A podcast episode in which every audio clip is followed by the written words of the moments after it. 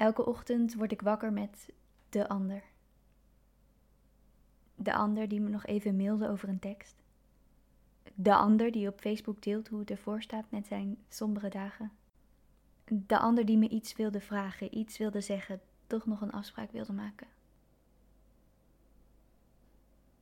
Ik vraag mezelf nog voor ik ben opgestaan om naar de ander te kijken. De ander te lezen, liken, zien of bevragen. Soms vergeet ik mezelf de vraag te stellen: hoe is het eigenlijk met jou vandaag?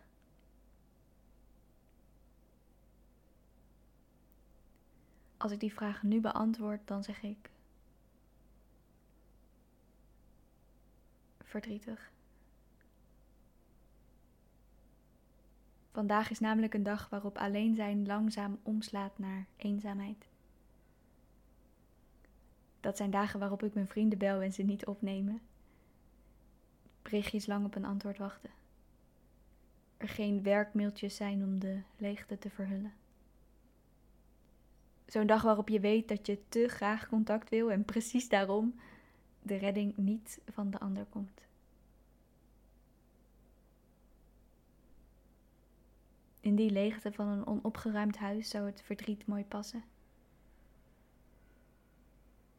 Het zou een mooi vijvertje maken in het kuiltje van het te lang niet omgedraaid matras. Het zou de lege bestekla vullen, tussen het wasgoed kruipen. Maar nee, want de ander. De ander die gaat me straks bellen. De ander heeft me nodig. Ik, ik moet er voor de ander zijn. Mij biedt hoe ik me voel. Ik moet mezelf groot houden, want als ik kwetsbaar ben, als ik zeg wat ik voel, even niet voor de ander ben, dan raak ik die ander natuurlijk kwijt. En, en dat kan natuurlijk niet. Want dan blijven we alleen, snap je? Dan blijf je alleen. Dan leef ik alleen in dit tweepersoonsbed. De ander is zo'n goed excuus. Ik weet namelijk wel waar, waar het verdriet vandaag over gaat. En ik heb er geen zin in. Het gaat over dat tweepersoonsbed. Dat nu vooral ruimte biedt aan de twee personen die ik ben. Zij die slaapt, zij die werkt. Dat is eigenlijk het treurige beeld. Een beeld dat ook wel woede oproept naar de ander. Want ja, jij, de ander.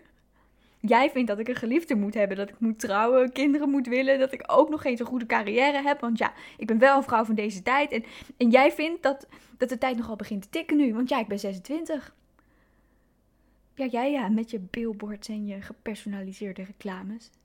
Jij met die gedachten dat ik alles kan maken als ik maar hard genoeg mijn best doe. Ja, jij ja. Het ligt aan jij.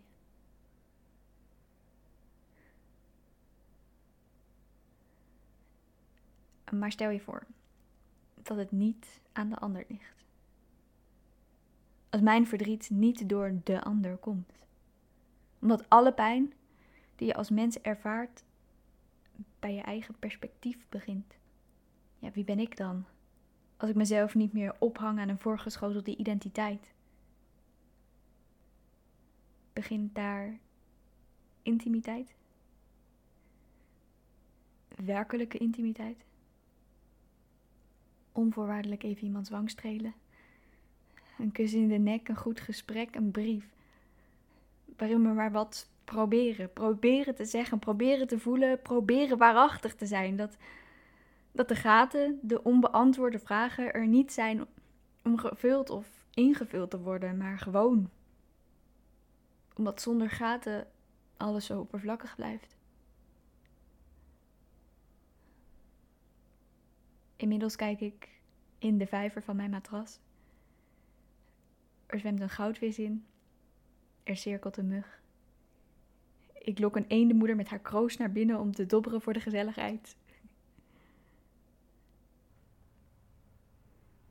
Op een bepaald moment wordt eenzaamheid weer alleen zijn.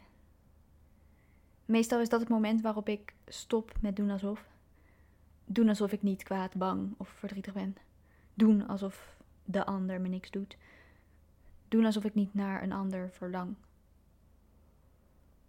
Het moment dat ik de woorden die ik het liefst van mijn huid zou willen krabben, maar ook weet dat ze het best bij me passen, er gewoon laat zitten.